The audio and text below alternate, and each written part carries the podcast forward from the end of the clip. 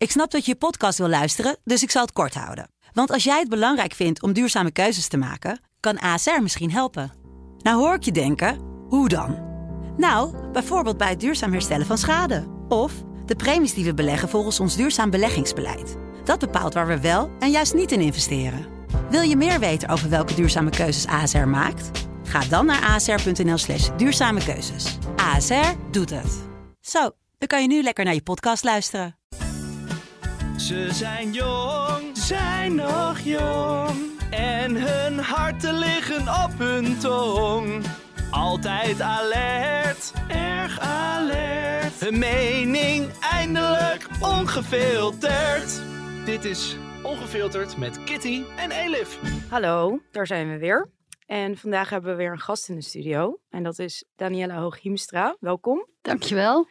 Journalist en historica. En we gaan het onder andere hebben over haar boek. Kan het misschien wat zachter? Maar eerst wil ik even iets heel feestelijks aanstippen. Want ja, we hebben, Ja, namelijk, een, we hebben namelijk een poll gehouden op onze Instagram. Over onze intro-tune. Of die cult was of dat men er suicidaal van werd. En de uitkomsten stemmen mij heel positief. Ja, was je blij? Was je er blij mee? Ik was er wel blij mee. En jij? Ja, ik vond het verrassend eigenlijk. Omdat ik heel veel mensen hoor haten eh, erop. En nu blijkt toch dat de meerderheid voor het behouden is van onze afgrijzelijke intro-tune. Ja, het Ja. volk heeft gesproken. Het volk heeft gesproken. En daar luisteren wij naar. Dus de haters die eh, kunnen de spreekwoordelijke tering krijgen. Ehm, de percentages die heb jij voor je volgens mij. Ja, 64% voor, 36% tegen. Ja. Ja. Ben jij eigenlijk voor eh, referenda, Daniela? Nee, eigenlijk niet echt. Ik vind het eigenlijk een hele slechte manier om, om iets te peilen. Oké. Nou ja, hier gaat het over een tune. Dan denk ik nog, ja, dan moet je je toch wel wat aantrekken van wat de meeste mensen misschien vinden. Want ja, om nou op de radio de hele tijd dingen te gaan laten horen waar niemand op zit te wachten, dat, dat snap ik dan wel. Ja. Maar als het om politiek gaat, dan vind ik het eigenlijk al snel heel problematisch worden. Hmm. Ja, smaak is natuurlijk wel wat anders dan beleid. Dit gaat om Ja, smaak. precies. Ja. Ja. Maar ik denk dat je hier ook wel uit kon concluderen dat de meerderheid van de mensen gewoon een hele slechte smaak heeft dan. Het is een beetje onaardig om over ons eigen fans te zeggen. Ja, maar ook over over onze eigen tune. Dus Smaak is natuurlijk toch ook niet helemaal goed om dat te peilen. nee, het is geen democratisch iets natuurlijk. Nee, want Nee. het is natuurlijk soms ook wel zo dat iets gewoon heel goed is, maar dat de meeste mensen dat niet zien. Ja, en in dit geval is het dan dus andersom. Nee, nee, maar het, is, het gaat om dat het cult is. Daar ben ik het wel Ja. mee eens. Ja, zeker. Dat die, ehm, ja. Maar eh, wij openen deze podcast altijd met ehm, een ergernis. En we zijn benieuwd. Heb jij je ergens aan geërgerd de afgelopen tijd? Ja, het gekke is eigenlijk de laatste tijd ben ik, eh, erger ik me wat minder, de laatste weken eigenlijk. En zijn er ook allerlei dingen die potentieel een bron van ergernis hadden kunnen zijn, maar die, waardoor ik juist wel een beetje, juist weer positiever word. Niet zozeer door wat er gebeurt, maar wel de manier waarop het allemaal gaat. En welke dingen zijn dat dan? Nou, bijvoorbeeld die zaak nu met Ariep, hè? Ja. Daar zitten een heleboel aspecten in die eigenlijk heel erg ontvlambaar zijn, zeg Ja, maar. want Ariep die wordt beschuldigd van machtsmisbruik. Voormalig Kamervoorzitter. En die is nu opgestapt uit de Tweede Kamer. Ja, precies. En ik, ik vind het interessante aan die zaak dat die eh, eigenlijk appelleert aan allemaal oude, allerlei groeven waar je in kan gaan zitten. Dus je hebt een vrouw, je hebt iemand met macht, Ja. je hebt iemand van Marokkaanse komaf en je hebt slachtoffers. Nou, dat zijn op zich zaken, dat, dan zie je eigenlijk de patronen alweer. eh en je zag ook toen dat net allemaal uitkwam, dan begon iedereen onmiddellijk aan zijn oude patronen. Ja, Dan heb je ook nog P van de A en D66. En wat was dat oude patroon en dan? Nou, bijvoorbeeld een van de patronen die je kan eh, pakken is: dit is een vrouw en zij wordt kapot gemaakt. Want mensen houden niet van vrouwen met macht. Je kunt ook zeggen. ehm, zij is van eh, Marokkaanse komaf, dus dan, moeten ze er weer hebben omdat ze Marokkaanse is. Aan de andere kant kun je ook zeggen, eh, wat een gezeur van die mensen die, die dan zogenaamd door haar onderdrukt worden. Die moeten niet zo zeiken en we moeten, ja, je moet niet om elk wisselwasje meteen aan de bel gaan trekken. Ja. En toen kwam dat stuk in NRC. Ja, waar het in meer in detail werd beschreven wat die beschuldigingen inhielden. Ja. ja. En toen keerde ineens woem, de hele zaak om. Ja. Want ineens dacht je van, hé, hey, misschien was zij gewoon een hele onaangename baas. En is dat ook gewoon echt vervelend voor mensen om Ja. onder zo iemand te werken. Je hebt dus allemaal, zeg maar, voorgekookte redenen om erachter te gaan staan. En in deze affaire wordt je eigenlijk op geen enkele manier steeds niet toegestaan om dat te doen. Ja. Omdat je de hele Ja, tijd van, gewoon hey, niet echt vastpinnen op een soort eh, voorgeprogrammeerde identiteitsdiscussie of zo. Ja, en je ziet dus dat de werkelijkheid gecompliceerd is. En nou Ja. dat is ook wat ik in mijn boekje eigenlijk steeds wil laten zien. Dat mensen gewoon wel ingewikkeld zijn. En dat als mensen met elkaar dingen doen, dat dat eigenlijk hele complexe Ja. eh, kwesties zijn. En, en, dat, en nou ja, mijn ergernissen in het debat gaan eigenlijk altijd als die complexiteit wordt ontkend. Ja. Wat dat betreft, eh, ik, het is een vervelende affaire voor de mensen die ermee te maken hebben. Maar ik, ik, ik word er bijna vrolijk van dat dat op deze manier nu eens een keer... dat mensen gewoon gedwongen worden om eens na te denken over Ja. hoe dingen nou gaan. Ja. En al- als het dan zo, ik, wil, ik ga jullie toch vragen om een kant te kiezen. Want als, als dat NRC-verhaal klopt, dus als dat het enige is waar het over gaat, dat zij dus in de onaangenaam is in de omgang en dus stoelen weghaalde uit vergaderingen. En dan zei je, jij mag hier niet zitten of zo. Echt een beetje, ik kreeg een beetje zo'n Mean Girls associatie van. Sit with us. Ja, dat.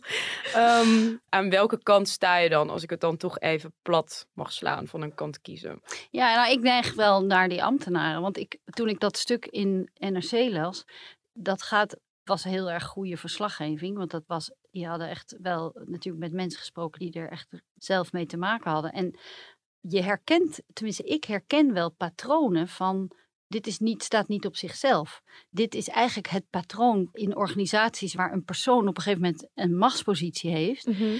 Gebeurt dit? Heb je dit zelf meegemaakt in jouw carrière? Nou, ik heb grappig genoeg, eh, eh, was het bij NRC, eh, hebben ze natuurlijk, ik heb daar toen een stuk over geschreven over de hoofdredacteur Peter van der Meers. Ja. Daar was eigenlijk een vergelijkbare situatie. Daarom vond ik het ook wel interessant dat het in NRC gestaan heeft. Als dus iemand zo'n positie krijgt, daar zijn dan ook vaak redenen voor. Dat, dat komt niet uit de lucht vallen. Dat was denk ik bij Ariep ook zo. Het is een heel gekwalificeerd iemand. Dus ze dwingt groot respect af. Mensen kijken tegen haar op, omdat ze natuurlijk ook hele grote kwaliteiten heeft. Ja. Maar ja, soms gaat dat dan mis. Dat dus Ja. iemand te veel macht krijgt en die macht dus inzet tegen, ja, ook tegen individuen eigenlijk. Hè? Dat je dus die macht gebruikt om als even iemand je in de weg zit, om die dan even terzijde te schrijven. Nou ja, als je daarmee te maken krijgt, is dat volgens mij heel vervelend. Ik vind het wel grappig, want ehm, ik heb jou leren kennen eh, op papier. Door dat stuk over Peter van der Meers, Oh. een paar jaar geleden. Ja. Want dat las ik toen en het, ehm, de kop was Vlaamse cosmopoliet met een kort lontje. En dat vond ik echt een fantastisch stuk. Ik vond het sowieso heel grappig geschreven, licht filijn en ook wel, nou ja, best wel ontluisterend hoe het er aan toe ging op de redactie en op wat voor manier hij, eh, of Peter van der Meers daar de scepter zwaaide. En ik heb nog vaker teruggedacht aan dat stuk, want het kwam uit 2018 en op een gegeven moment kreeg natuurlijk die discussie na MeToo over ja, machtsmisbruik en, maar dat is eigenlijk pas heel recent op gang gekomen.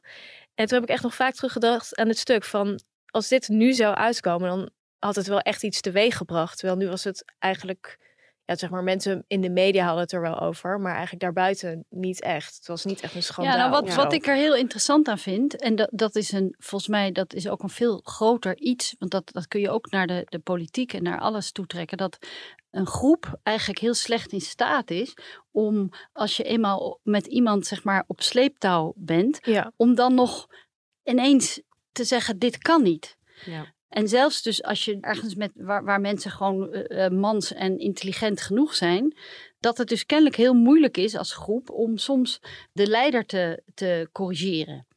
Dat Ja. als die macht daar eenmaal is, en vooral natuurlijk als het dus iemand is die eigenlijk heel veel kwaliteiten heeft. Ja. Daar zit juist, denk ik, het probleem. Dat het, ja maar als je, dat, dat is natuurlijk ook, als je het hebt over de complexiteit, dan denk ik ook wel gewoon inderdaad, mensen zijn geneigd om meer te pikken van mensen die gewoon heel goed zijn in iets. En dat je denkt van oké, ja, er zijn nou eenmaal heel veel mensen die heel veel dingen kunnen en die hebben vaak een moeilijk karakter. Dat is gewoon zo vaak. Tenminste, Ja. is mijn ervaring ook. En ja, dan soms moet je daar ook misschien niet te moeilijk over doen van ja, sommige mensen zijn gewoon zo. En dan heb ik natuurlijk niet over echt eh, dingen die de wet overtreden of zo. Ja, maar dat is het precies. En het, wat dus het lastige aan is, is dat je dus dat dat kantelpunt van waar het dus over de schreef gaat, waar je dus, dat is heel moeilijk om dat te herkennen. Ja.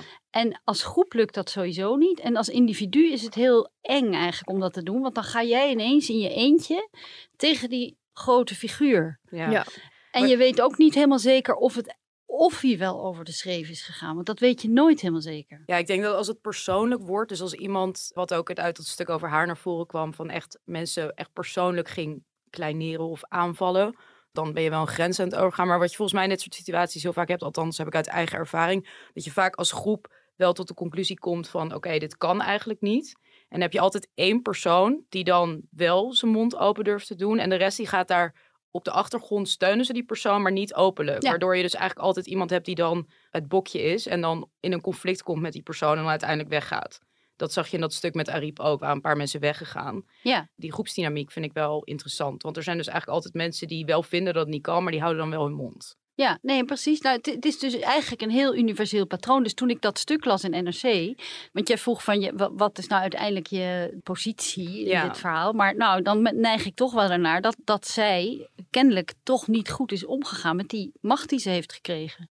Daar Ja, maar wat vind je dan van? Want er is nu natuurlijk ook kritiek. Ik bedoel, van, van Rutte wordt ook al heel lang gezegd van... oh, die heeft woede aanvallen of die belt mensen op een bepaalde manier op. En wa- wat vind je van, dan van die kritiek dat mensen zeggen... ja, het is wel vaker dat misschien eh, mensen minder goed zulk gedrag trekken... inderdaad van vrouwen.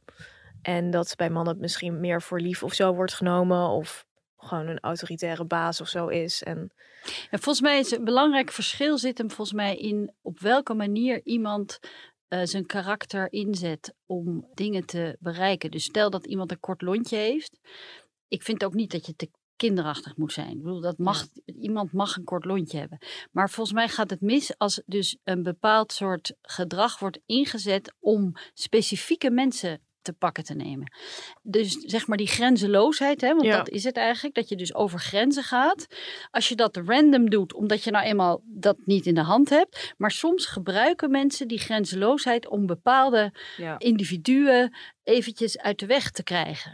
Ja, dat is natuurlijk- is- gedrag. Is nou, dat eigenlijk. is terreur Ja. eigenlijk. Ja, maar dat, dat is heel naar natuurlijk. Maar ik denk wel dat het lastig is omdat eigenlijk een bedrijf heeft het natuurlijk heel lang zo gewerkt. Gewoon de manier om carrière te maken. Dan moet je zeg maar meespelen met een bepaald soort spel. En dan moet je je op een bepaalde manier gedragen, denk ik. En zeker mensen die vanuit een positie komen waarin het niet vanzelfsprekend is dat je die macht krijgt als je kwaliteiten hebt. Ik denk in- inderdaad dat mensen daar gewoon in kunnen doorslaan ook. En als jij zeg maar 30 jaar lang. Ik denk dat tot de jaren 90 of tot jaren 2000 zijn de dingen die je leest in dit artikel vrij normaal. Ja. Toch? Niet, eens het opschrijven waard, denk ik zelfs. Ja, dat, Ja, dat iemand die op die manier omgaat met, met ondergeschikten. zeg Nou, ik denk niet dat je in die tijd, in de jaren negentig, zo'n stuk, zo'n groot stuk hierover had kunnen publiceren. Omdat ik denk dat men dan al zoiets had gehad van, ja... Ja, maar je ziet het al met, met dat stuk van over Peter van der Meers. Dat is vier jaar geleden. Ja. Dat, dat bracht al ja, veel minder teweeg. Terwijl daar niet per se Nou, het minder heeft erg toch nog wel wat teweeggebracht. Ja, maar zeg maar maatschappelijk gezien. Kijk, eh, Ja. niet, niet, niet om jouw stuk af te vallen, maar Ariep, daar heeft natuurlijk nu iedereen ja, het nee, over. zeker. Ja. Ja, Ja. Ja, dus- nee, dat is waar. Wat dat betreft is dat misschien echt veranderd. Dat je dus minder goed wegkomt. Ja, aan de andere kant weet ik het ook niet zeker. Omdat het wel altijd samengaat. Hè? Die macht, die eh, Ja. heb je ook niet voor niks. Dus die macht, die heb je omdat mensen niet tegen je ingaan. Dus ja, kennelijk kan dat dus nog steeds. Ja, Ja, en je ziet ook bij eigenlijk alle mensen die uiteindelijk gevallen zijn, dat het altijd op een moment komt dat hun macht minder wordt. Dus Harvey Weinstein was pas toen hij minder. Nou, hij was nog steeds heel rijk en beroemd natuurlijk, maar het werd wel minder. Ja, en dan gaan achteraf gaat iedereen zeggen, ja, het was altijd al zo. En dan ineens Ja. krijg je net eh, Joost Vullings, ja, maar dat wisten wij allemaal al. Ja, ja. En dan denk je, oh, maar waarom is dat toen niet gezegd dan? Nou, misschien had je het kunnen opschrijven, denk je dan. Ja. Maar we waren bij de ergernissen. Elif, had jij nog een ergernis? Nee, ik, heb, ik had geen ergernis, maar ik begreep dat jij er twee had voor Ik had er Dus twee. ik vind het heel fijn dat Ja. jij mijn ergernis hebt overgenomen deze Ja, week. ja, nou, ik heb er dus twee inderdaad. En waar ik me dus echt heel erg aan erger, zijn dus vrouwen. eh, op vrouwen. Nee, op tv. Punt. En dan, dan op tv bijvoorbeeld, of eh, als je ze interviewt of als ze tegenover je zitten. Het is nu herfstseizoen, dus iedereen krijgt een beetje koud. En dan heb je van die vrouwen en die bestellen een bakje thee of een kopje thee. En dan gaan ze zo met hun handen zo om dat kopje zitten. Dan gaan ze je aankijken. En dan denk ik echt, waarom doe je dit? Hè? Maar Ja. doen ze dat echt? Dat doen ze echt. Want en ik, zie het wel ook. uit van, de, van foto's, Ja, zeg maar. Ja. Dit is echt zo'n Maar gaan ze dat in het echt ook doen? In het echt doen vrouwen dit ook. En het ergert me altijd. Ik vind het zo mutsig iets. Ik bedoel, als je thuis bent, oké, prima. Ik vind eigenlijk dat je dit niet in het openbaar moet doen. Maar je ziet het dus ook op tv. Je ziet het dus ook op tv. En soms zie je het in serieuze documentaires ook. En dan wordt een vrouwelijke specialist wordt dan geïnterviewd. Een man zie je nooit zo zitten met zijn handen om een kopje thee. En waarom zouden ze dat doen eigenlijk? Ja, ik weet niet. Het is gewoon echt zo'n extreem Lekker, lekker libelle, truttig iets. Ja. Misschien een, een manier om, om je een soort houding te geven. Ja, misschien is het zo dat je niet weet wat je moet doen met je handen. Dat het daar Ja. mensen altijd heel erg veel last van. En dat je dan maar dat ding vastklemt of Ja, zo. maar het ziet er echt heel mutsig uit. En het doet echt heel erg veel af aan je autoriteit, vind ik, als, Ja. als vrouw. Ja, Om, want eh, je, je, je zoekt eigenlijk een soort eh, steun in de warmte van Ja. de thee, zeg maar. Ja, Ja. maar het is... Ja, het Klinkt is echt vreselijk. Ja. Ja, het verbaast me gewoon ontzettend of zo. Dat, dat, dat je dan niet begrijpt hoe dat eruit ziet. Ik denk dat het echt onbewust gaat. Dus het is goed dat jij het aan de, aan de kaak stelt. Ja, het is een beetje hetzelfde stelt. als mensen die dan bijvoorbeeld hun... Het, dat is iets minder erg, maar dat is ook irritant als mensen dan hun mouwen over hun handen trekken. Ja, ja dat vind ik ook heel irritant. Ja, Maar vooral in combinatie met die thee. Dus dan dat het Ja, ja, die dat- mouwen dat dan dat tot het over die vingers. en houden er is. Ja, ja. Jeetje, ja, ja, ja. Nee, jullie zetten me wel aan het denken. Ja, je kijkt me aan, je kijkt me wel aan van waar kan je allemaal aan ergeren? Nou, heel veel dus. Ja, en dan had ik nog een tweede ergernis. Ik was dit weekend in ehm, Warschau. Toen was ik in een hotel. Ik heb dus de laatste tijd steeds vaker de ergernis dat als ik in een hotel ben, dat het allemaal heel modern is. Ja, ik, dit is echt een ontzettende boomer ergernis. Maar alles is dus automatisch. En dan kan ik Oh, dus ja. nooit vinden waar de lichtschakelaars zitten. En dan, dan is het zeg maar zo'n automatisch systeem wat dan echt heel lastig is om even gewoon binnen 30 seconden onder de knie te krijgen. En dan zie je dus onwijs kutten met die lampen. Ja, dat maar dat is gaat echt toch met zo'n kaartje?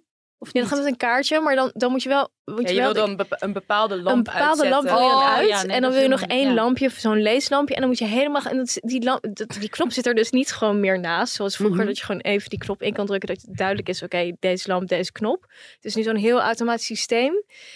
Ja, dat is, het is echt heel vervelend. Dan Je ben je moet gewoon gewoon niet van die dure hotels ja, maar dan ben je gewoon vijf minuten bezig. Vijf minuten bezig met een, de lamp uitkrijgen. En dan denk ik, ja, weet je, zeg maar, sommige innovaties zijn niet per se beter. Maak het niet beter. Nee, Net zoals als nee. bijvoorbeeld slecht ontworpen ehm, hypermoderne kranen. Ehm, Waar je je handen aan verbrandt. bijvoorbeeld. Dat is zo kut. Of waar je dan, waar dan, ehm, die dan heel snel stuk gaan. Of waar die dan niet goed lopen. Of dan ziet het er heel designachtig uit. Maar dan word je zeg maar gewoon nat. Nou, het zijn wel luxe problemen, hè? Ja, Ja, maar dat is ook wel de bedoeling. ja. Oh, dat is de bedoeling, oké. Ja, we hebben het hier Ja. niet over echte problemen. Nee, nee, heel goed. Ja, we hebben jouw eh, boek gelezen. Je hebt meerdere boeken geschreven, onder andere ook over het Koningshuis en je bent historica. Maar dit is een, een bundel van eh, je columns en stukken. We vonden het interessant wat je op de achterkant, eh, wat op de, we hebben alleen de achterkant gelezen. Oh ja. ja. Nee, nee, Alleen de titel. Nee, we hebben het echt helemaal gelezen. Maar daar stond op: Nederlanders lijken net verongelijkte pubers. Ze roepen dat de regering alles verkeerd doet, maar dulden zelf geen regels. Ze vinden de overheid autoritair, maar eisen steun. Ze weten alles beter, maar schreeuwen om een regie. En de schuld ligt altijd bij iemand anders. Nou, in deze podcast vinden we eigenlijk niks lekkerders dan eh, haten op Nederlanders. Maar dan rijst altijd de vraag: zijn wij hier als Nederlanders uitzonderlijk in? In Oh, deze ja. houding? Mm, ik denk wel dat, dat iedereen in Europa wel een, een, een soort puberaal eh, probleem heeft. Ja. Maar misschien zijn Nederlanders nog wel... Ja, ik denk dat die wel erger zijn dan de anderen. Ja, dat- daarin. Denk ik eigenlijk ook wel. Ja. Waarom denken jullie dat wel Ja, dat, dat soort van hele rebelse of gedwongen rebelse. Nou ja, ze, ze willen die combinatie van aan de ene kant geen inmenging eigenlijk velen van iemand. Altijd van ik, als ik dit wil, dan mag ik dat toch. Ja. Ja. En ja, er staat wel dat je daar niet door mag, maar ik moest naar mijn moeder. Dus daarom ben ik toch daar even doorgegaan. Dat je dus altijd eigenlijk vindt dat jij als individu een uitzondering bent. En dat je het heel vervelend vindt als je je aan, aan algemene regels moet houden. Dit, dit ben ik echt heel erg. Ik, ik me heel erg aangesproken. maar dat, ja, maar en dat dan in combinatie met eigenlijk vinden dat de staat er altijd moet zijn. Ja. En dat dus alles geregeld moet worden. En waarom is dit niet geregeld? Waarom is dat niet geregeld? Dit, dit ben jij echt. Oh ja? ik Gewoon- zit opeens te denken van, Ja, ja. wow, ik, ik ben geworden wat ik haat. Nee. Ja, maar volgens mij zijn we het allemaal een beetje. Nou ja, dat van eh, de, de, het willen dat de staat alles regelt, dat, dat heb ik zelf niet zo heel... Ja, wel bepaalde dingen. Van waarom is dit niet geregeld in Ja, algemene zin. Waarom mag van- ik niet hard rijden op de snelweg? Nee, meer van waarom gaat de trein weer niet? Weer. Oh, ja. dat, dat soort dingen. Maar niet, eh, oh ja, de staat moet alles voor mij regelen of zo. Ik, ja, die combinatie van wat jij schetst is inderdaad heel erg Hollands. Alles is in Nederland altijd gewoon. "Ah, nee, waarom moet dat? Ja, alles Ja, moet alles. altijd ter discussie gesteld ja, dat je echt Ja. denkt. Maar op zich, Ja. ja, met die, ja, ik, ik- aan de ene kant erger ik me daar wel aan. Aan de andere kant vind ik het ook wel een gezonde grondhouding. Of Ja, zo. ik vind het een hele irritante houding. Nou, ik vind het ook best een goede houding. Maar ik vind het met name de combinatie van helemaal eigenwijs zijn en dan tegelijkertijd willen dat papa en mama Ja. eigenlijk alles voor je doen. Dat vind ik wel ja, het is echt een puber inderdaad. puber. Dat is gewoon een precies puber. ja. Ja. ja. Ja, ik vind het, ik vind het eh, eigenlijk heel irritant dat, eh, dat Nederlanders zo zijn. Ik, het, omdat het ook inderdaad heel erg gaat altijd over altijd alleen maar rechten en niet over plichten. Zeg maar, dat is echt zo'n woord wat we hier dan niet kennen. En ik vind dat daar dan zo kinderachtig over dingen wordt gedaan. En dat er heel vaak iets heel groots wordt gemaakt van dus kleine dingen, zag je heel erg in coronatijd. En dat de grote dingen waar mensen echt boos over zouden moeten worden, daar halen we onze schouders over Nee, op. daarom hebben we dus twintig politieke partijen. Ja. Want stemmen voor Nederlanders is dus, nou, ik heb het nu eens even gezegd. Ik heb Ja. nu eens even Ja. hierop gestemd. ja. Ja, maar ja, dan zit je dus met twintig partijen en dan, dan kunnen we niks. Ja. Dus dat je eigenlijk jouw individualiteit, jouw, jouw eigen wijsheid is zeg maar doel en middel. Maar ja, gaat nergens heen. Ja, ehm, een van de stukken waar wij allebei eh, best wel fan eh, van zijn, dit is de grote Daniela fan podcast, ehm, is eh, een stuk over MeToo.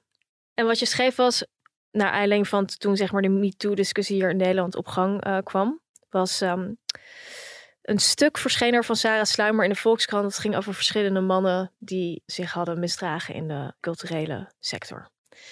Wat opvalt aan het nieuwe vrouwelijke be- zelfbewustzijn dat zich met de MeToo-beweging manifesteert, is het humorloze, eendimensionale puritanisme daarvan.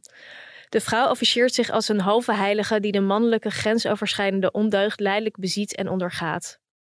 Sluimer wilde niet alleen dat die redacteur voortaan van de vrouwen afbleef, hij moest ook stoppen met drugs. Dat gaat dus over een voorval wat zij eh, beschrijft. Mannen moeten zich schamen, de vrouw is onkreukbaar. Maar was het niet juist dit, dit beeld van de vrouw als moreel voorbeeldige instantie waarmee de Dolomina's korte metten maakten? Ja, daar was ik het heel erg Ja. mee eens. Ja, wat, wat ergerde je zo in die tijd en nog steeds aan de MeToo-discussie?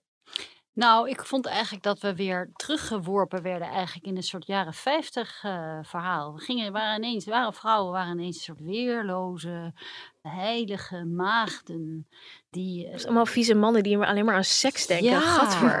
En vrouwen denken nooit aan seks. Nee, precies. En, en dat zo'n man dan, wat had ze nou op de dansvloer? eh, of die stuurde Hij mailtjes? stuurde heigerige, eh, dwingende, dwingende heigerige mailtjes. Ja. Ja, Waarin niks expliciet Nee, werd, maar, nou, maar dat, dat, is niet helemaal waar. Want we weten wel allemaal wat dit soort dingen zijn. En dat dat echt Ja. irritant is, toch? Ja, zeker. ja, maar het is toch niet iets waar. Het, het is iets eh, irritants, ja. Het, is, het zou passen hier in de rubriek ergernissen. Ja. Maar het, om daar dus een stuk in de krant. En die man is dus uiteindelijk op non-actief gesteld hè, toen.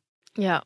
Omdat je heigerige mailtjes stuurt. Ja, weet je, ik, ik vind het. eh, dan weet ik van vrouwen ook nog wel wat gedrag wat heel irritant is. Waar mannen ook weer onder lijden. En, en Ja, dus wat die- voor gedrag is dat dan? Ik ben nou, ook benieuwd naar. ja, de, ik, ik, weet- ik weet niet even typisch vrouwelijk, maar in ieder geval van mensen tegenover elkaar kun je zoveel vervelende dingen eh, verzinnen. Misschien weet ik veel dat vrouwen eh, een soort dwingende manier van eh, dingen opleggen of, of heel erg aan iemands hoofd zeuren of misschien wel achter een mannen aanlopen. Volgens mij doen vrouwen dat ook, dat Ja. ze mannen lastigvallen en de- omdat ze of de hele tijd bellen of zo. Weet Zoals ik Helene. Mees of zo.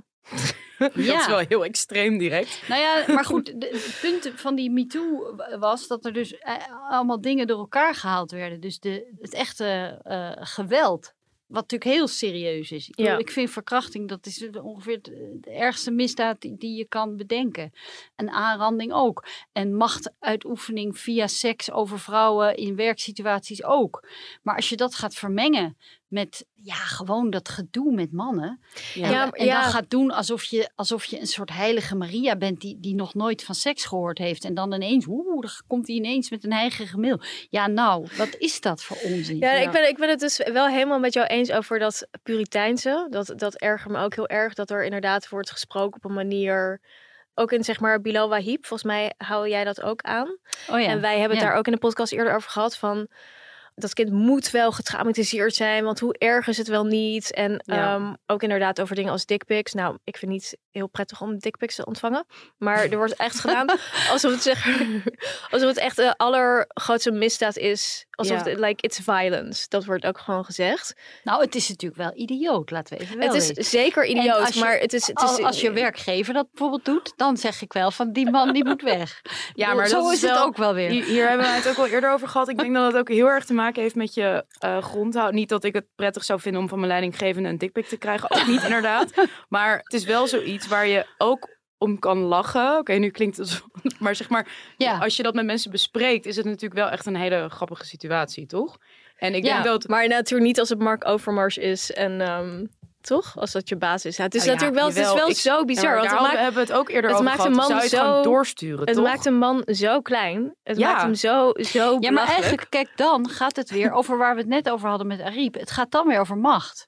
Ja, maar, ja, maar Dus- alles gaat over macht. Nou ja, als de schoonmaker een dikpik stuurt, dan is dat natuurlijk ook best wel raar. Dat zou ik ook eigenlijk misschien nog intimiderender vinden. Jawel, maar ik bedoel, er, er zou, de reden dat je bijvoorbeeld er, er niks van zou durven zeggen, zou kunnen zijn dat diegene die dat doet, dat hij heel veel macht heeft. En dan is het natuurlijk heel problematisch. Ja, of omdat je het gewoon echt heel gênant vindt om er überhaupt iets van te zeggen. Want stel dat iemand een gelijke van jou een dikpik naar je stuurt, zou ik het ook al best wel moeilijk vinden gewoon vanuit ehm, Ja, maar dan kun je er ook wel heel erg om lachen, sorry. ja, op de Ik achter. bedoel, op de, ja. eh, Dan laat je hem aan iedereen zien en dan stuur je het aan iedereen Ja, door. En dan is die, heeft die man het probleem. Laat dit ook een waarschuwing zijn voor mannen die denken dat je, Dat dik, je dat niet ongestraft een doorgestuurd dikpik kan sturen. Wordt doorgestuurd naar iedereen. Maar ja, dat, dat, ja, het- ja, ik ontvang niet zo vaak uh, dickpics hoor. Jij wel? Eh, ik, ont, ik heb hem wel best wel vaak, of nou best wel vaak, ik heb wel eens dickpics ontvangen via DM en zo. Gewoon random. Ja. Jeetje, ja. Ik nog nooit. Ik heb wel één doorgestuurd gekregen. Dat vond ik al heel erg. Oh Van ja. een vriendin. Ja, Dat voelde, ik voelde niet- dat ook als? Nou, nee, maar ik schrok me wel echt helemaal. Het is, ziet er gewoon echt niet zo. Ik weet niet. Gewoon Nee, het heel is gewoon- vervelend. Nee, het is Ja. niet aantrekkelijk of zo. Nee, omdat het gewoon zo vreemd is. Je Ja. kent diegene niet en dan ineens. Ja. Ja, ik weet ook niet of het... Het is erger als je diegene wel kent, toch? Ja, zeker wel. Maar, maar, ja, wat- maar we hadden het over Bilal Wahib en dat het dan inderdaad heel erg, ja, dat er natuurlijk ook iets heel erg puriteins in zit. Van, eh, ja, dat was natuurlijk niet normaal, maar het wordt echt meteen gedaan alsof hij echt een totale seksoffender was. ja. Ja, en ik, vond, ik vind toch wel een van de echte grote verworvenheden van de, van de vrouwenemancipatie is, vind ik eigenlijk die seksuele bevrijding. Dat is echt dat als je daarover Ja, maar dat, dat is heel moeilijk in deze tijd. Want als je kijkt naar bijvoorbeeld, ook in een nieuwe feministische golf, heb je dan vrouwen als Lise Korpershoek en zo. En die gaan dan documentaires maken over mijn seksist stuk. Heb je die gezien Ja, toevallig? Ja, heb ik ook een stukje over geschreven. Ja. Het staat niet in het boek volgens mij, maar... Ja, en dan Ja. heeft zij het daar ook over inderdaad van... ehm, ik, ik vond het ook heel erg een jaren 50 beeld. Ja, Maar dat, dat wordt nu Ja. juist als een soort emancipatie Ja. gezien van... Ja, maar het is nou eenmaal zo. Vrouwen houden nou eenmaal minder van seks. ja, maar hoe en- komen ze daar nou toch bij? Ik snap dat dus niet. Ja, Ik- dat en is ik- dan. Ik denk dat het een vermenging is van wat iemand persoonlijk. En dat denk, ik denk dat het ook raakt aan die MeToo-discussie. Dat vrouwen dus. Je, je kan als persoon minder van seks houden dan anderen. En in zo'n geval. Zij attributeert dat dus eigenlijk aan haar geslacht. Terwijl dat eigenlijk aan haar persoon raakt, zeg maar. En dan vind ik hetzelfde als met die, met die MeToo-discussie. Dat vrouwen dan dus heigerige, dwingende mailtjes. Als je iemand leuk vindt, dan ervaar je dat niet zo. Dus dan zou je ook minder snel een soort MeToo-kaart trekken. Die vrouwen die zijn ook heel vaak ehm, beledigd. Dat een bepaalde man interesse in ze toont. En daarom er niet van gediend, zeg maar. En dat wordt dan in een Geschaard. Ja, maar ik vind het wel dus heel goed dat, dat, dat in, die, eh, in die discussie... Dus nu dat het echt een beetje uit aan boze is... om in werkachtige situaties avances te maken. Ik denk dat dat echt een goede ontwikkeling is. Ja, ja, dat denk ik ook. Alleen ik had het er laatst toevallig met een vriend van mij over. En die ergerde zich heel erg aan de dubbele standaard die nu is ontstaan. Want die zei ja, als je op een bedrijfsborrel bent en zo heb je nog steeds allemaal vrouwen die zich gewoon, they're throwing themselves at you, zeg maar. En dat is allemaal oké. Maar als man kan je dat allemaal niet doen. En toen dacht ik, oh, dat is inderdaad wel interessant. Ik denk dat als wel een onwijze is. zeiker, deze vriend. Nou ja, het is natuurlijk wel een beetje raar. Hoezo is dat raar? Nou ja, het is wel raar dat als vrouw dat, dat, dat je dat als vrouw wel mag doen. Oh ja, want als vrouw ben je weerloos, dus dan is het een soort van harmless als je dat doet. Maar als man ben je direct een soort roofdier. Ja, maar het gaat toch allemaal een beetje om maatvoering. Ja. Ik bedoel, je, om te zeggen van in een werksituatie mag dat niet meer. Ja, Nou, dat kan helemaal niet. Want Nee, waar maar mannen goed. en vrouwen zijn, is, Ja. is dat gewoon. Maar het gaat allemaal om, om, om, om de mate waarin en, de, en de, de, ja, ik hoop altijd maar dat mensen dat uit zichzelf gewoon een beetje snappen. Dat, dat, dat, dat, Ja, maar heel veel mensen snappen dat natuurlijk niet. En ik kan me dus wel voorstellen dat er misschien mensen zijn die dus de hele tijd van die heilige mail sturen. En ik denk op zich niet dat het dan heel slecht is dat die mensen daaraan worden herinnerd dat het niet goed is om dat te doen. Ja, nou En ja, dus misschien... Als ze het doorhebben van zichzelf, hè, dat is ook nog een vraag. Ja, dat is zeker de vraag. Ja, mannen hebben heel vaak een het- bord voor een kop met dit soort dingen. ja. Ja, nou, maar daarvoor is die MeToo natuurlijk misschien toch wel goed geweest. Ja. Er zaten veel problemen aan vast. Maar als je zeg maar nu de wind is gaan liggen een beetje. En, en dan zijn er misschien toch wel dingen blijven hangen die misschien ook wel goed zijn. Dat, Ja. eh, Ja, het heeft wel echt, echt heel goed, denk ik, een discussie op gang gebracht. Ik, ik ben echt heel positief eigenlijk over eh MeToo. En ik snap echt wel, alle bewegingen hebben gewoon uitwassen. En die- op een gegeven moment corrigeren die zichzelf ook, denk ik. Ja, dus op sommige plekken in Amerika heb je wel van die idiote dingen, geloof ik, dat je, als, eh, dat je bijna een soort eh, sharia hebt op de werkvloer. Omdat Ja. eh, mannen zo bang zijn dat ze aangeklaagd worden. Of dat vrouwen dan niet worden uitgenodigd. Ik geloof op Wall Street stond een Ja. keer een Ja, niet over. samen in de lift en zo. Ja. Ja, dat is natuurlijk totaal idioot. Maar ik denk over het algemeen dat het wel toch goed is geweest voor een bepaald soort bewustzijn. Ja, maar het zou jammer zijn als het, eh, want dat, dat leek het toen, dat dus die hele emancipatie van vrouwen ook op seksueel gebied, dat dat, dat, dat weer helemaal terug wordt geworpen in Ja, een dat- soort, ja. eh, Ja. nou ja, dat beschrijf ik ook, dat je dus eigenlijk als vrouw dan een soort keus krijgt tussen je bent of een hoer of een, of een soort heilige Maria. Ja, Terwijl de hele grap is natuurlijk dat die dingen eh, ook een beetje samen Ja. gaan. En ja, dat maakt het leven ook volgens mij ook voor vrouwen leuk. ja en zeker ook die, eh, als je kijkt naar gewoon de bevoegde seksuele vrijheid, dat we misschien nu als vrouwen ook in een soort illusie leven van op het moment dat je die vrijheid hebt opgeëist, wat heel veel vrouwen nog steeds doen, ja, je kunt ervoor kiezen om het niet te doen, dan kom je ook in een gebied terecht waar je inderdaad soms gewoon vervelende ervaringen zult hebben. Ja. En zolang die zeg maar niet strafbaar zijn, en eh, dit geldt trouwens voor mannen ook, dan is dat niet altijd een reden om bij een maatschappij verhaal te gaan halen. Want je kunt, nat- je, je Ja. kunt niet alles vermijden in het leven. En je zult Ja. gewoon hele vervelende dateervaringen misschien hebben. Of ja, je gevoelens zullen gekwetst worden. En dat vond ik ook heel erg in die MeToo-discussie kwamen op een gegeven moment verhalen naar buiten van... Ja, ik ben gewoon eigenlijk slecht behandeld door een man. Ja, dat is heel vervelend. Als zeg maar, je gaat met daten met iemand. toch? Ja, als je gaat daten met iemand en die blijkt alleen met je naar bed te willen en jij, jij wil het eigenlijk niet. Of jij wil een, dat iemand serieus in je geïnteresseerd is. Dat is heel pijnlijk, maar dit hoort ook wel gewoon een beetje bij het Ja, en ik datingspel denk ook zo. dat het erger wordt. Als er dit soort maatschappelijke, eh, dan gaan mensen dingen ook ervaren als erg. Je moet ook niet onderschatten hoe cultuur op een gegeven moment ook emoties van mensen be- beïnvloedt.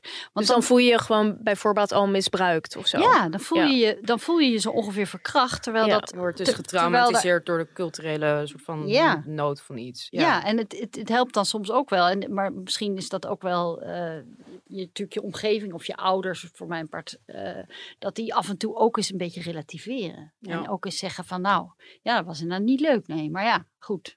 Hè, je leeft nog. Nou nee, dat klinkt heel erg. Nee, maar Ja. ik bedoel, als er geen geweld is en als er geen echte dwang is, ja. maar er gebeurt echte gewoon even iets wat, wat Ja. niet zo leuk was. Ja, nou ja, weet je, dan gaat het leven ook weer verder. ja. Ja. Jij bent eh, fan van Louis C.K., toch? Ja, Ik ben ook heel groot fan van Louis C.K. Ja. Ja. hij was mijn grote held. En uiteraard gesneuveld in de MeToo-beweging.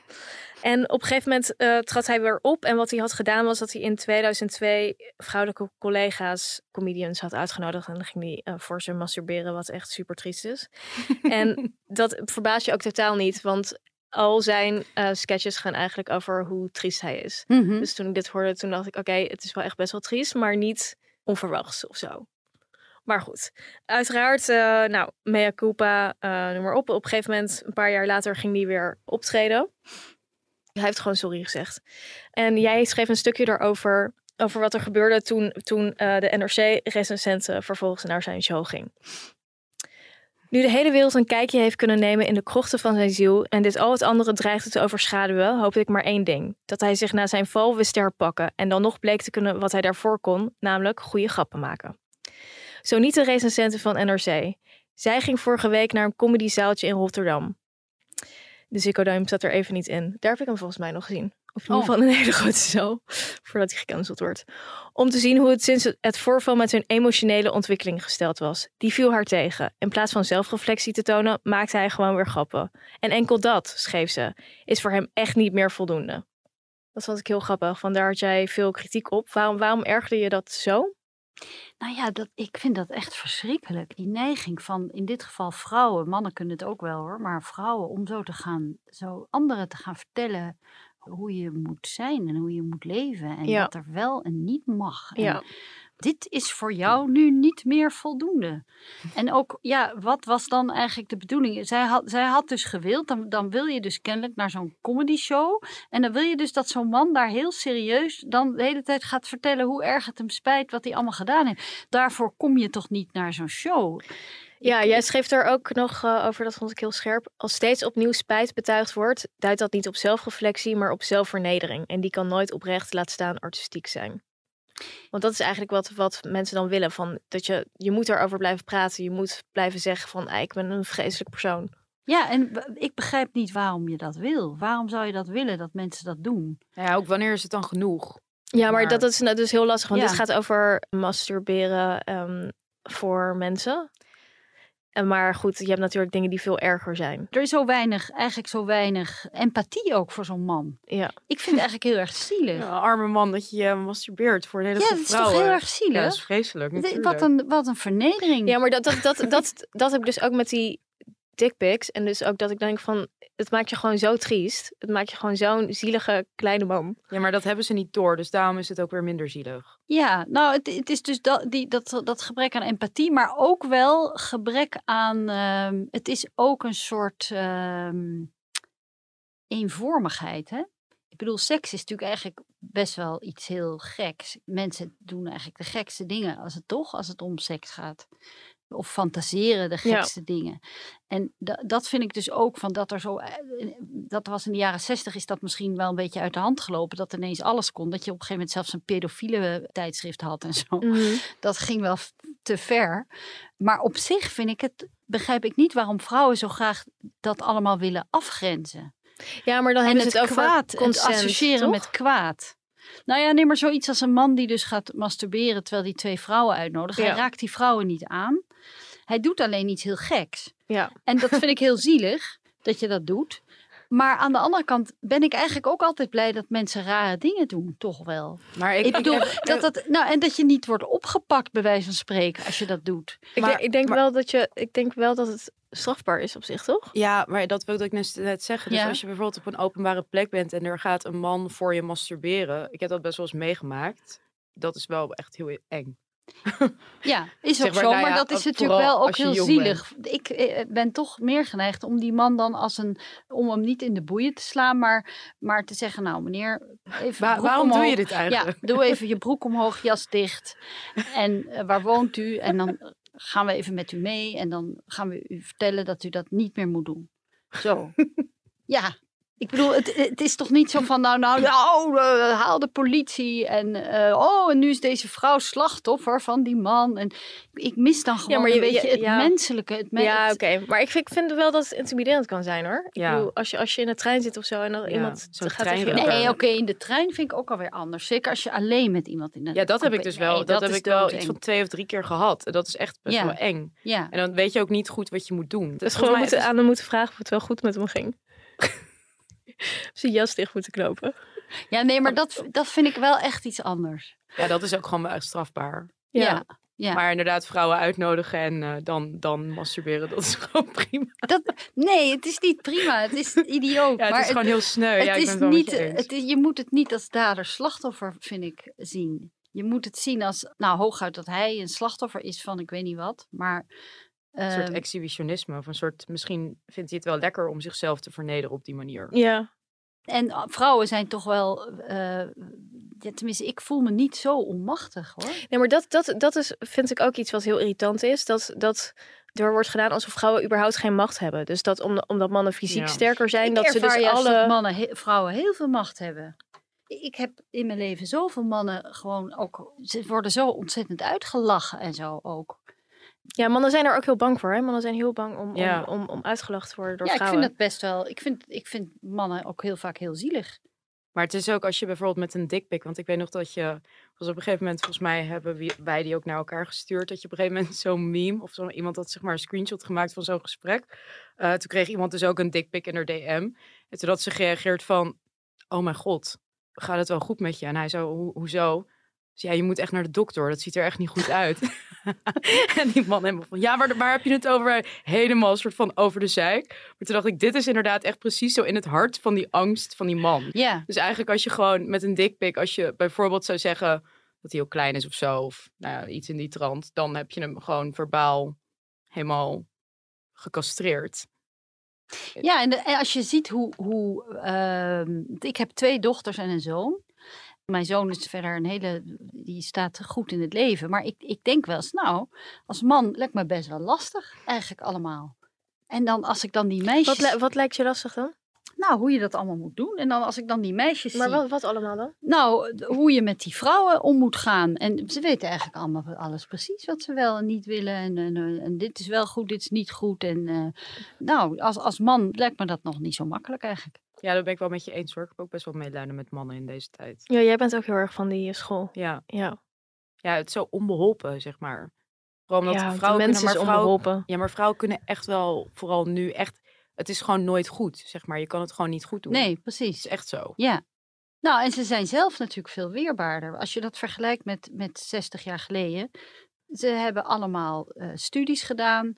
Ze krijgen banen eh, eh, aangeboden en ze kunnen alles. Ze zijn niet meer afhankelijk van die mannen. Ja. Ze kunnen zelf geld verdienen. Je bent in principe niet nodig. Dus Ja. je moet echt eh, laten zien dat je een meerwaarde biedt. Ja, je moet echt leuk zijn, zeg maar. Ja, en dan zijn ze nog heel kritisch ook. Ja, Dus ja, het, lijkt me helemaal niet zo. Maar het is toch juist omgekeerd? Het is toch juist eh, in Amsterdam of zo heb je een vrouwenoverschot. Dan hebben mannen het juist voor het uitkiezen, wordt altijd gezegd. Ja, is dat zo? Ja, Ja, ja. het zijn veel meer hoogopgeleide vrouwen en vrouwen willen niet downdaten. Maar dan heb je het Dus- dus als man niet voor het uitkiezen. Dan ben jij als, als onaantrekkelijke stratenmaker ben je kansloos.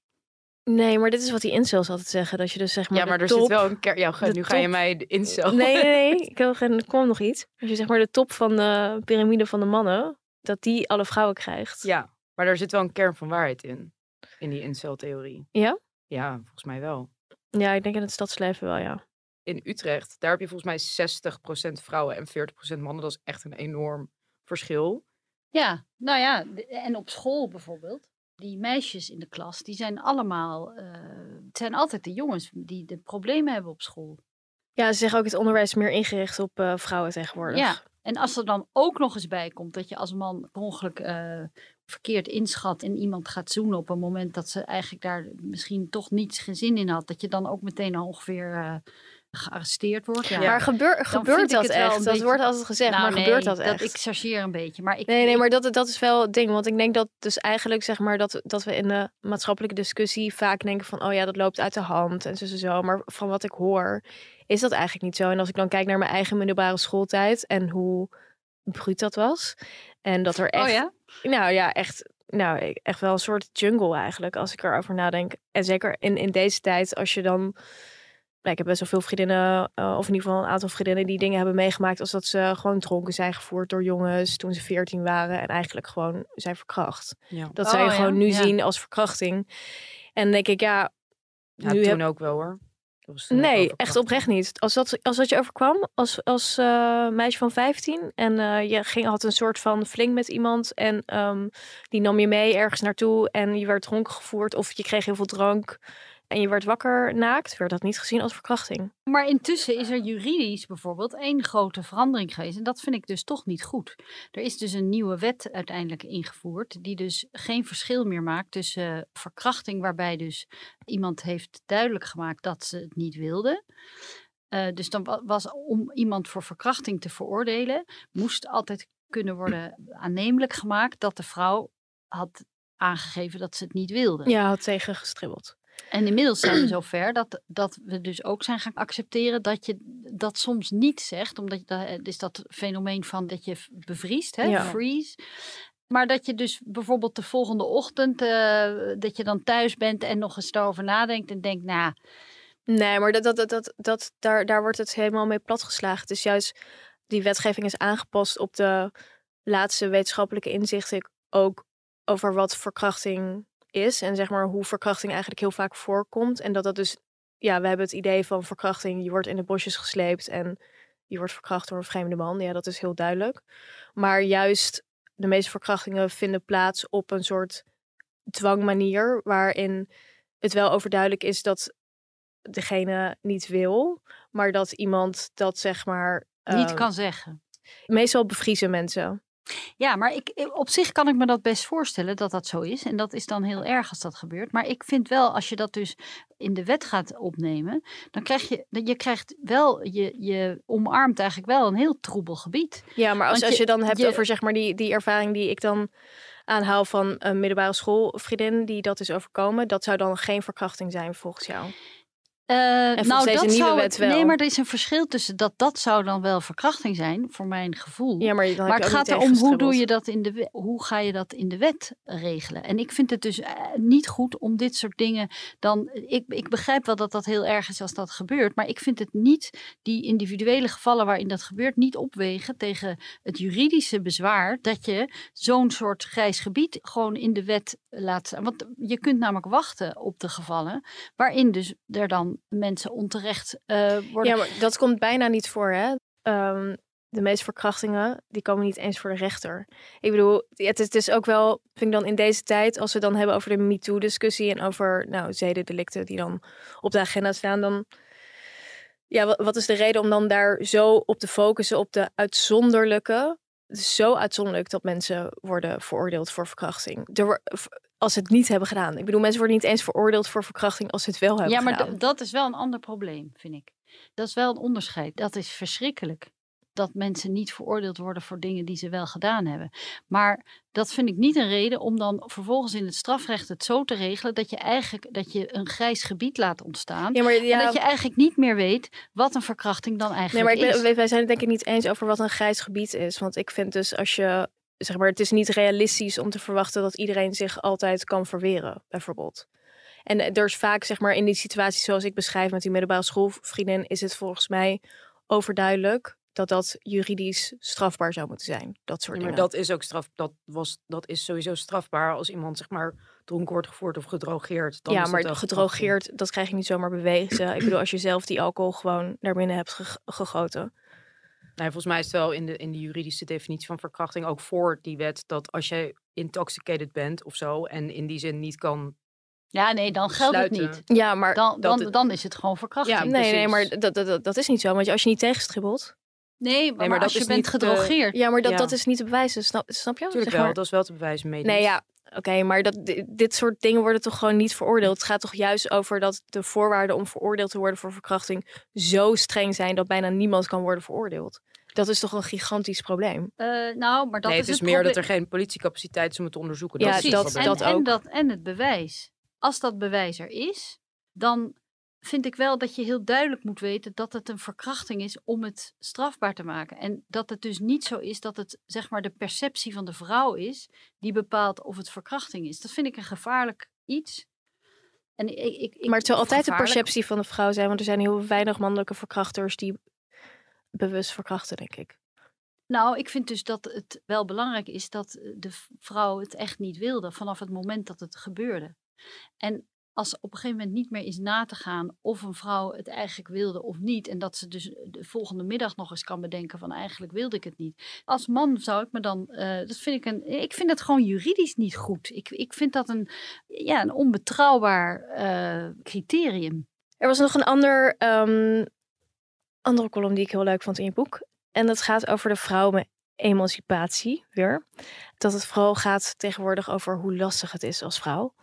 Omdat talent in werkelijkheid schaars is en het leven vol tegenslagen, valt het eenmaal volwassen vaak tegen. Dus het gaat dus over vrouwen die zoals wij, die, die wat is het, zijn opgegroeid in de feministische tijdperk waarin alles mogelijk is. Het ene moment ben je de nieuwe Einstein, het volgende zit je als alleenstaande moeder sappelend op een flat.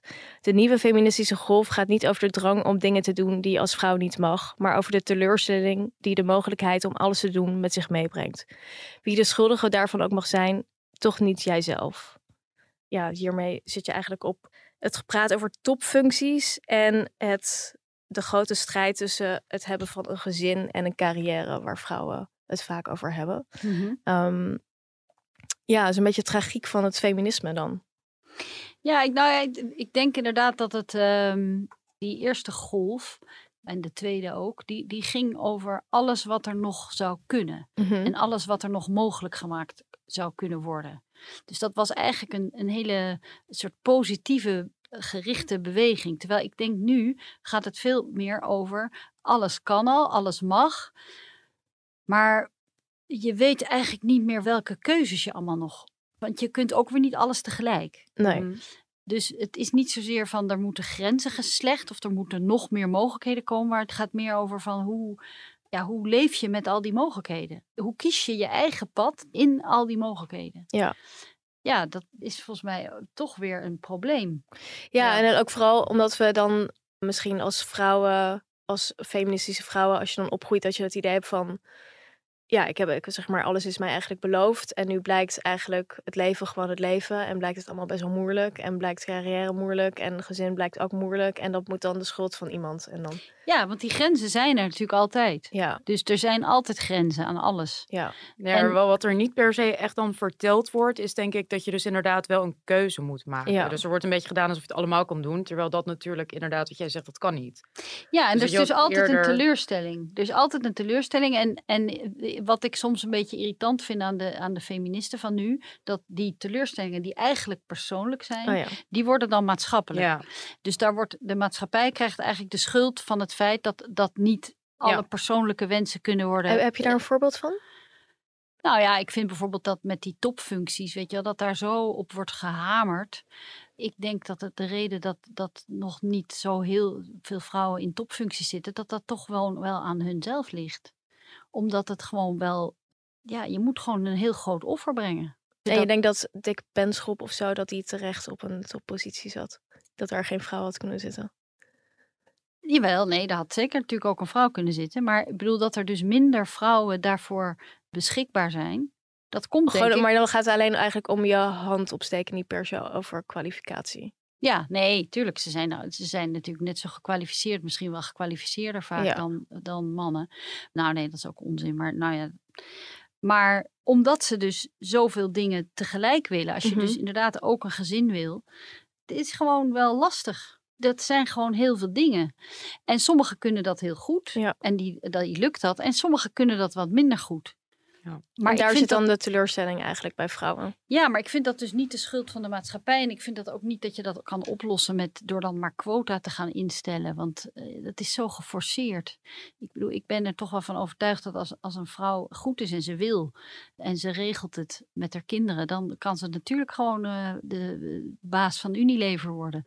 Ja, maar als je bijvoorbeeld kijkt, wij hebben ook Joris Leindijk geïnterviewd. En die Ja. heeft het dan over van ja, de mensen met de zeven vinkjes. En dat zijn dus mannen over het algemeen. En dat is maar 3% geloof ik van Nederland. En die, ja, die zijn geloof ik voor, eh, wat is het? Meer dan helft, 85% maken ze de, de, de, het werkleven uit. Dat is dan toch wel een opvallend cijfer. Dat heeft dan toch ook wel echt met selectiecriteria en zo te maken, toch? Nee, nou, ik ben er zeker niet van overtuigd dat, dat op dit moment vrouwen, eh, als ze willen, een nadeel hebben ten opzichte van mannen. Nee, tegenwoordig hebben ze natuurlijk wel een voordeel. Maar dat komt ook door die quota. Of denk je niet? Nee, dat komt echt doordat, er, doordat het ook gewoon zonder quota al heel Ja, sexy is om zeg maar vrouwen en Ja, door andere... cultuurverandering. Ja, er Ja. zijn gewoon meer vrouwen die, die eh, als je kijkt hoe ontzettend groot die verandering geweest is in zo'n Ja. korte tijd. Ik bedoel, 50 jaar geleden was, was er echt nog een andere situatie. Ja. En nu hebben alle vrouwen gestudeerd, zijn heel veel vrouwen ambitieus. Maar komt ook een aantal, heel wat vrouwen komen erachter dat, dat het best wel moeilijk is om alles te kunnen. Ja. Mhm. En dat lukt dus niet altijd. Nou ja, ik vind dat dus meer iets persoonlijks dan Ja. dat ik dat een, een maatschappelijk probleem vind. Ja. En ik vond zelf ook, eh, maar goed, dat is tegenwoordig mag dat al helemaal niet. Met het, met ben je weer een deeltijdprinses en zo. Maar ik vond het best wel lastig toen ik eh, nog bij, eh, ik was toen verslaggever bij NRC. Toen ik met al die kinderen, ik, ik vond dat gewoon moeilijk. Ja, ja om drie dan kinderen. om dat half zeven in de auto te zitten op, of in de trein naar Rotterdam. Terwijl je met al die baby's daar, ja, ik, ik, ik vond dat echt lastig. Ja. Maar goed, anderen kunnen dat wel, dus dat is mooi. Maar ik bedoel, ik, ik- dat vind ik dan toch, dat, dat dat probleem, dat was mijn probleem. Ik vond dat niet een maatschappelijk probleem. Je kunt dan zeggen, je moet kinderopvang hebben natuurlijk. Maar ook met die kinderopvang moet je dan ook maar willen dat dan die kinderen de hele dag in die opvang zitten. Ja, nu kan dat niet eens meer, omdat er gewoon een tekort is. Dus Ja, nou ja, dat vind ik wel een dat is wel een maatschappelijk iets. probleem. Ja. Ja, Maar dat is wel iets anders natuurlijk dan jouw particuliere gevoel van... oh, ik heb er moeite mee om mijn kinderen achter te laten. Dat is wel een persoonlijk probleem. Maar het feit dat het nu niet kan, is dan een maatschappelijk probleem. Dus ja, is inderdaad van, je kan gefaciliteerd worden in economisch en praktische zin. Maar of je het dan emotioneel wil, is dan aan jezelf. ja, en ik denk wel dat het goed is ook voor vrouwen en, en eh, ook om een beetje, toch je een beetje gelukkig te voelen, om soms ook gewoon eens te denken van nou, dan kan dat dus niet. Of iets kan niet. Ja, dat is best wel kiezen fijn. dus. Om, om, dat- dat niet zo erg is. Hm. Dat niet alles 100% is. En dat er, ja, dat je gewoon, kan het misschien wat zachter, water bij de wijn. Dat vind ik toch gewoon eigenlijk voortdurend. Vind ik Maar, dat maar dat, dat, dat is eigenlijk jouw pleidooi uit het boek. Van meer voor complexiteit, voor nuance eigenlijk. Ja. En- ja. Ja. en niet het onderste uit de kan altijd met alles. En dat geldt natuurlijk niet alleen voor vrouwen, dat geldt ook voor mannen. Ja. Niet in de politiek ook. Dat je precies wat jij voelt, dat dat allemaal precies allemaal zo moet. Ja. Dat je gewoon een beetje wat makkelijker met beperkingen kan omgaan. Dat zou heel fijn zijn voor de mensen. Ja. Ik denk ook echt dat je zelf gelukkiger wordt als, als je dat op een of andere manier. Als je gewoon beter bij dingen eigenlijk kunt neerleggen. Van, Ja. ja. Mooie laatste woorden. Laten we doorgaan naar de heldin van de week. E H-E-L-D-I-N. Heldin van de week. Ja, jij stuurde een eh, tweet naar mij, eh, Elif. Nou, Eh, jij stuurde hem eigenlijk naar mij, maar dat Oh. maakt niet uit. Het is allemaal hetzelfde. Dat was tijdens. ehm, het is alweer een tijdje geleden, want we hebben een aflevering eh, overgeslagen. Hebben we trouwens niet gezegd, omdat jij vast ergens op een station stond. Het was die totaal bizarre toespraak van Thierry Baudet in de Tweede Kamer. Tijdens de algemene politieke beschouwingen. Op een gegeven moment stond het kabinet op en liepen ze weg. Ja. En Dylan Jezegus stond ook op. En die, er ging een klein fragment rond. Ja, wat we zien in de video is dat zij zeg maar heel Streng. eh, streng haar vinger opheft naar Dennis Wiersma. Dat is de minister van Onderwijs. Meer onderwijs, ja. Die stond daarna ook op. Dus het was echt, echt zo van Dylan vertelt even dat hij het niet in zijn hoofd moet halen om te blijven zitten. En Ja. dat vonden wij een grappige move. Dat Toch? was heel grappig. Ja, Ja. hij zat er ook als enige genoeg. Het kwam een beetje over alsof hij afgeleid was. Dus hij zat volgens mij met zijn telefoon in zijn hand. En zij liep langs hem en ze wees hem eigenlijk aan zo van... Jij, jij gaat ook mee. Zo echt zo jij. Echt met zo'n priemend vingertje. Ja, Ja. dat was heel grappig. Was heel... ehm, Ik vind het heel goed dat hij bleef zitten. Ja? Ja? Ja. Ik vond het echt belachelijk het om weg te lopen. Vind ik echt heel slecht. Wel Maar beetje- goed gevonden als er eentje en dan de minister voor primair onderwijs, wat ook best wel random is als die dan wel blijft zitten, zeg maar. dat, dat die dan Ja, als ik enige de regering loopt niet weg.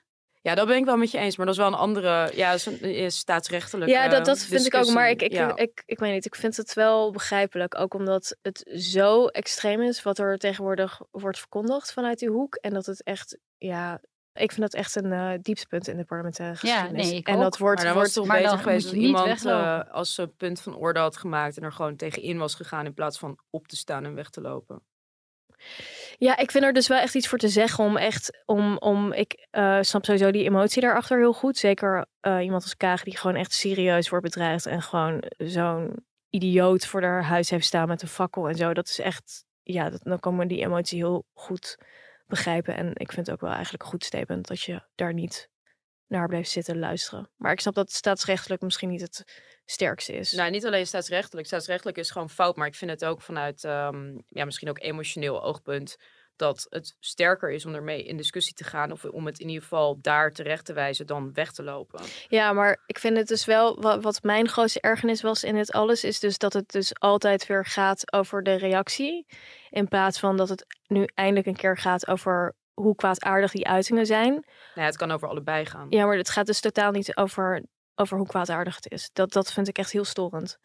Maar ja, ik vind dat zo dat je hem moet onderbreken dan en zeggen van dit is gewoon buiten de orde. Ja. Maar ik vind dat, dat wegloop, ja, ik, ik vind dat echt. eh, stel je voor dat dat, dat, dat voortaan de. de wat, wat, wat is Ja, dat? het moet natuurlijk Ja. niet de norm worden. maar ik vind voor een keer, ja, kan het wel. Ehm, nou goed, Dennis had in ieder geval geen keuze. Dennis moest mee.